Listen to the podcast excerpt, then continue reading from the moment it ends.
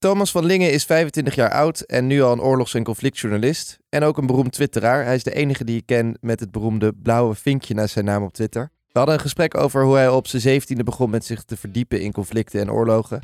En zijn reizen naar oorlogssituaties. En ook vooral wat jij kan doen als jij ook zo'n soort leven ambieert. Veel plezier met het luisteren naar deze aflevering met Thomas van Lingen.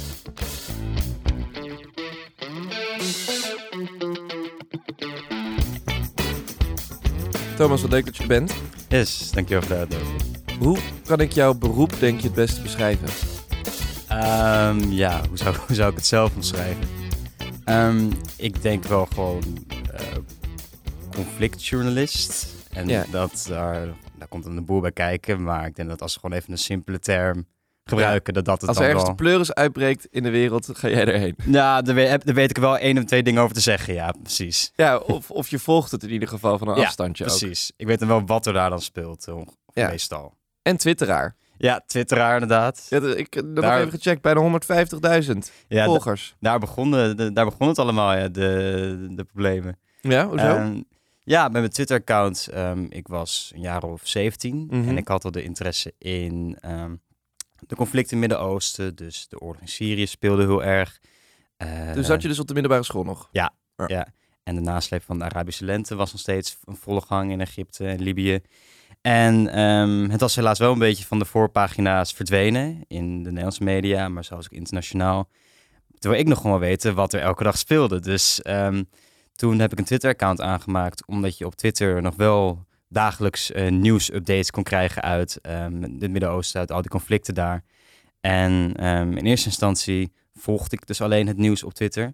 Maar later vond ik ook zulke interessante dingen, doordat ik zelf ook heel diep ging graven in Twitter en Ja. ook in Facebook, dat ik ook ehm, dingen ging posten op mijn eigen Twitter-account. En dat is toen gaandeweg een beetje uitgegroeid tot een, een soort van, ja, een nieuwsplatform wat ik dan zelf oprichtte. Dat ik dan zelf elke dag de laatste update bracht Ja. over de oorlog in Syrië of toen eh, uiteindelijk de Maidan-protesten in Oekraïne toen in 2014 eh voorafgaand aan de Maar dat volgde je allemaal op de voet toen. Dus dat Ja. staat, het is ook één grote database geworden eigenlijk. Van Ja, als je dat gewoon nu eh, opzoekt op Twitter, dan kun je gewoon al mijn tweets van die periode zien. Wat Thomas Veelingen.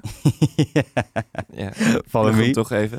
Ja, heel Ja. goed. heel Ook gelijk Max Bogaert, ook leuk om te volgen. Allebei hele goede accounts. Ik kan het zeker aanraden. Ja, jij hebt één keer eh, een serie foto's van mij geretweet en die is toen gelijk helemaal ontploft. Was, Dus dus, jij bent altijd mijn haakje als ik nog Twitter-fame wil, eh, wil bereiken. was niet van een van die foto's dan ik een schilderij gemaakt Ja. door iemand. Ja, dat, wij waren dus even voor de context eh, samen naar eh, Polen afgereisd om daar verhalen te maken over de Oekraïnse grens en eh, de vluchtelingen die daar aankwamen. En ik had mijn camera bij me, dus ik had een hele hoop foto's gemaakt, dan best mooie foto's ook geworden. En toen had iemand die daar zo onder de indruk van was, een schilderij gemaakt van een van die foto's. Ongelooflijk, ja. Dat was een jongen met een vogeltje, die had hij in een, eh, in een schoenendoos meegenomen. Weet je nog, die we Ja, toen ja. in het, op het station van, van Krakau tegenkwamen.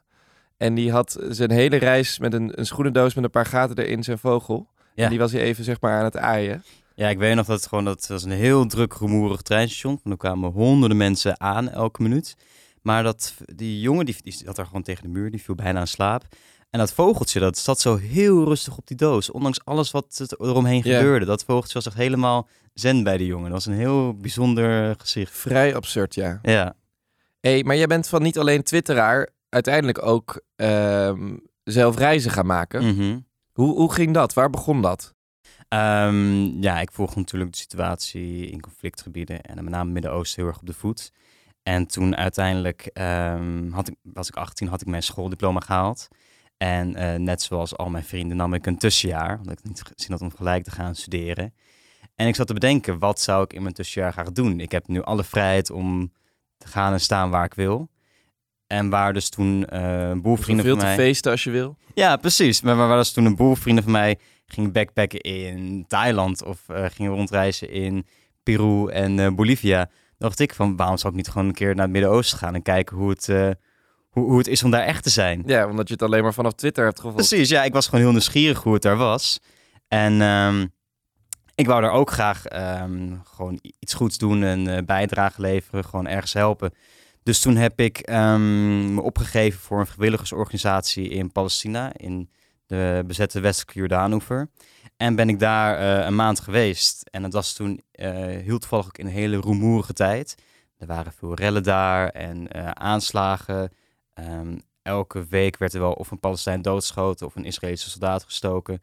Dus er gebeurde ook heel veel daar. En buiten het vrijwilligerswerk wat ik daar deed om, was ik dus ook op mijn vrije dagen dan een soort van um, ja, amateur verslaggever die dan bij de protesten was en van alles zat te filmen. En dat je zocht er dus ook echt op, inderdaad. Ja, ik ging, echt, ik ging echt kijken. Ik was echt benieuwd van hoe dan de rellen daar aan toe gingen. Hoe die Palestijnen dan uh, gingen demonstreren tegen de Israëlische bezetting. En uh, toen kon ik ook voor het eerst um, uh, dingen posten op mijn Twitter-account. foto's tweeten, video's tweeten. Die ik niet zelf ergens van een andere social media bron had geplukt. Maar die ik ook echt zelf had gemaakt. Dus echt mijn eigen content posten voor het ja. eerst. En dat was toen wel echt een grote, een grote stap die ik maakte. Was het, uh, om daar zo in uh, Palestina te zijn, ook niet best wel eng? Ja, zeker. Dat is de eerste keer dat je dan je in zo'n, ja, toch een, een conflictgebied begeeft. Dat is heel apart. Um, ik weet nog wel dan, de Israëlische soldaten konden heel intimiderend zijn. Um, de eerste keer dat ik traangas meemaakte, van rellen werd altijd dan traangas geschoten. Het is altijd een beetje dezelfde dans tussen Palestijnen die aan de ene kant een stenen gooien en de Israëlische leger. met teargas. Met teargas, ja. En dan sta je daar en dan maak je het voor de allereerste keer mee. En um, ja, dat dan op sommige steden, zoals bijvoorbeeld in Hebron, dat is de grote stad in de West-Jordaanoever, ook heel veel religieuze spanningen waren tussen de, de, Joodse kolonisten en de Palestijnse inwoners. En dat voel je dan echt in elke uh, interactie, op elk moment, uh, elk, waar je ook bent in die stad. En dat waren, dat was zo anders van de wereld die ik kende als 18-jarige. Van ja, de wereld van Amsterdam en Nederland. En gewoon dan de zuidkant die je wel eens doet naar Hongarije of uh, Spanje of, of wat dan ook. Sta je ineens tussen de rellen en het traangas. Ja, precies. In, gewoon bij, een, bij een, uh, een, een, conflict sta je daar middenin. Ja. En het viel me ook op dat um, ik weer een beetje moest wennen aan het normale leven toen ik weer terug in Nederland kwam. Dat bijvoorbeeld een heel specifiek voorbeeld was dan dat ik um, werd opgehaald van, van Schiphol door, door mijn moeder. En dat we naar huis reden. En dat is gewoon iets, een rit van 20 minuten van Schiphol naar, uh, naar mijn huis. En dat ik gewoon, dat me die rit opviel, dat we gewoon aan één stuk door konden rijden. Zonder dat er checkpoints of uh, wegversperringen of wat dan ook waren. Dat was gewoon het gevoel dat ik zo erg een beetje was uh, vervreemd van was geraakt. Ja, dus dat je bijna gewoon zonder checkpoints op de snelweg rijden als een soort vorm van vrijheid gaat zien. Ja, dat je dat echt, echt dan weer voelt en, en gaat waarderen. En dat dan de dingen die, um, die ik dan normaal niet eens besefte, dat gewoon uh, wel niet, niet vanzelfsprekend zijn. Ja. Dat dat opeens dan wel waren. Wat vind je het minst leuk aan je werk? Um, het, het, minst leuk aan mijn werk zelf vind ik vaak wel een beetje dealen met, uh, met nieuwsredacties. En dat is, dat is, niet, dat is niets naar, naar de mensen daartoe, maar um, dit is wel iets wat je gewoon al, wat, ieder, wat je overal wel zo horen van uh, conflictjournalisten, dat er toch altijd een beetje een detach bestaat tussen de mensen die in het veld uh, alles meemaken en zien ja. en opschrijven. En de nieuwsredacties die van een afstand dan moeten bedenken van hoe gaan we dit in een verhaal stoppen. En het is niet dat dan uh, de nieuwsredacties iets fout zeggen of zo. Zij moeten natuurlijk gewoon echt denken hoe kunnen we dit het beste op, op, op print zetten. Maar er kan vaak wel een miscommunicatie of dan een verschil in realiteiten da daarin zijn. Ja. En dat het dan wel, dat je dan wel eens daar kan, in kan clashen, ja. Ja, dat hebben we ik in het klein toe mogen meemaken met jou ook. Dat je dan aan de grens van Oekraïne staat mm -hmm. en dan een appje krijgt. Kun je nog even een Instagram story over maken of zo? Dat je echt denkt, ja. sorry, ik sta hier met tassen te sjouwen van een aantal vluchtelingen die schreeuwen ja. naar ons toe kwamen. dat is niet het moment. Nee, het is wel een beetje zo'n ding van dat dan uh, je snel de indruk kan krijgen dat ze daar denken dat het dat allemaal maar zo, ma maar zo maakbaar is. Dat het allemaal maar kan, weet je wel. Ik weet zelf nog, ik was ehm, in 2019 in Hongkong. Eh dat was toen tijdens de eh, anti-China-protesten die, daar- die massaal aan de gang De waren. studentenprotesten Die studentenprotesten ook heel veel, ja. En ehm, ik was daar toen met, ehm, met Olaf Koens van RTL Nieuws. Ik wer- werkte een beetje met hem en de cameraman daar samen. En ik weet nog dat we toen in de taxi eh, zaten onderweg naar het verzamelpunt van de protesten. En toen had Olaf Koens net een WhatsApp-bericht gekregen van de nieuwsredactie. En ehm, die hadden gewoon even vergaderd en gedacht, en gezegd van nou, eh, Olaf en Thomas zijn vandaag bij een protest in Hongkong. Wat lijken ons wel leuke onderwerpen? En ik kwamen toen uiteindelijk met Olaf, bij Olaf aanzetten met een, een soort een boodschappenlijstje van nou, dit onderwerp is wel leuk en dit en dit. En Dat wij dus dan van, ja, maar we, we rijden er nu naartoe. We hebben geen flauw idee wat we überhaupt gaan aantreffen. Ja. Weet je, zo, zo, zo werkt het niet. Niet, als een soort van eh, een, supermarkt of een afval Chinees dat je Ja, gewoon een ja. nummertje kan bestellen. ik wil daar een interviewtje met die en ik wil nog wel die spreken. Ja, precies. Alsof het allemaal maar zo, zo makkelijk gaat eh, Nee. of zo. Terwijl ook gewoon voor ons het heel erg een, een, een boel is van... eh, we zien wel wat, wat we tegenkomen en we hebben echt niks eh, in, in de hand. ja. Hey, jij bent net terug uit een ander land, Mhm. uit Oekraïne zelf. Ja. Jij bent er gewoon helemaal in je eentje naartoe gegaan. Mhm. Ik heb je echt een beetje voor gek verklaard dat je dat ging doen. Eh, maar ik ben heel blij dat je heel, heel uit tegenover mij zit hier in de studio. Dankjewel. Hoe was dat? Ehm, Oekraïne was voor mij een hele andere ervaring dan mijn voorgaande reizen. Voorgaand was ik vaak... De verhalen op de landen die ik aandeed... waren landen waar dan ehm, waar een opstand bezig was, een protestbeweging, waar ook vaak autoritaire staten. En eh, als je in zo'n land eh, bent, dan is de dreiging eh, redelijk constant, omdat je een soort van in feite begint onder een vijandige regering. Want die regering is in feite vijandig naar buitenlandse vrije kritische pers. Dus daar was constant ehm, een soort van dreiging van je kan opgepakt worden of gevolgd of ehm, dat ze opeens eh kwamen aankloppen bij mijn hotel. Maar het was wel een soort van dreiging van eh, niemand gaat me daar doodschieten of zo. En in Oekraïne is ehm, het eerder feit, je, je komt daar aan en Oekraïne is gewoon een bevriende staat waar gewoon buitenlandse journalisten juist worden aangemoedigd om toe te gaan. Dus je, voel, voel me daar, je voelt je daar wel gewoon veilig en op je gemak. En dat je niet denkt, eh, ik Iedereen opeens- is tegen mij. Iedereen is tegen mij. Nee, precies. Je voelt je wel in een, in een, vriend, in een vriendelijkere omgeving. Maar ja, je hebt natuurlijk daar gewoon de dreiging dat er dan opeens ehm, raketinslagen kunnen zijn in Kiev. En eh het viel in mijn, in de tijd dat ik er was heel erg mee. Er was maar van de eh, twee weken dat ik in Kiev zelf was, was er maar één dag dat er echt een raketinslag was op de hoofdstad. Maar ehm, die dag werkte wel zeker voor, ehm, misschien een beetje voor mij, maar voor eigenlijk wel iedereen in de hoofdstad toch een soort van herinnering van ehm, de dag kan gewoon heel normaal zijn en Ja. eh, heel normaal aanvoelen en er kan, hoeft helemaal niks gebeuren. Maar als de Russen echt willen, dan kunnen ze alsnog altijd een raket afvuren. En dan heb je maar net de pech dat het dan het gebouw is ja, waar, waar jij ook gewoon in, in weer een zit. appartementencomplex. Ja, precies. Waar uiteindelijk Ben je ook... nog naar die plek gegaan? Ja, ik ben er nog gaan kijken. En ehm, ja, de brandweer was nog bezig de brand te blussen. Er werd puin geruimd. eh, alle overlevenden en overledenen waren wel al weggehaald. Maar het was wel echt een... ehm, het, het gebouw was helemaal uitgebrand. En je kon echt de, de schok van ook de omwonenden... Was het inderdaad gewoon een appartementencomplex? Ja, het was echt gewoon een appartementencomplex. Ja, dat is, ik vind dat dan zo, zo, interessant, zo mooi dat als je daar dan ook bent. Mhm. Er gaat altijd het fake nieuws van nee, maar Rusland bombardeert niet Mhm. eh, appartementen, alleen maar militaire infrastructuur en Mhm. dergelijke. Maar jij kan het gewoon gaan checken. Ja, precies. Dat is ook wat ik toen heb gedaan in de, in de voorsteden van Kiev. Ik ben toen een dag eh, op pad geweest naar Irpin, Bucha en Borodjanka. Dat waren die voorsteden Ja, waar ook zulke massamoorden waar de eh, massamoorden zijn geweest. Maar ook waar ehm, de Russen dus gewoon eh, een tijd hebben gezeten en waar er zwaar is gevochten. En bijvoorbeeld in Borodjanka kon je dan van die uitgebrande eh, appartementencomplexen zien. Waar dan bijvoorbeeld een stuk was ingestort weggevallen. Maar dat er dan ehm, nog een klein hoekje van dan het appartement over was. En dan kun je gewoon zo zien dat daar een boekenkast stond. Of gewoon nog eens één krukje of één eh, tafel of zo. Waar, waar kun je echt zien van ja, dit was gewoon een huis. Daar woonden gewoon mensen. Je gaat geen eh, boekenkast met eh Oekraïns literatuur in een eh, militaire basis of zo zetten. ja. Nee, wat heftig. En als je dan terugkomt, moet je dan schakelen of ben je inmiddels gewend aan dit soort ervaringen? Het, het went wel ehm, over de jaren, moet ik zeggen hoor. In het begin had ik het ehm, wel moeilijker met eerder reizen. Maar het hangt ook echt af van wat ehm, jij meemaakt en de heftigheid. Ehm, dus in Oekraïne qua heftigheid viel het heel erg mee wat ik daar heb gezien. Ik heb niet direct oorlogsgeweld gezien. In de zin van dat ik echt mensen daar heb zien sterven Nee. of eh, bloed of zo Beschoten? of- beschoten. Nee, dat, dat allemaal niet. Het is eerder gewoon de nasleep en natuurlijk de gewichtigheid van de verhalen die, die zijn verteld. Dat je eh, gewoon het, trauma gewoon heel erg eh, kan zien.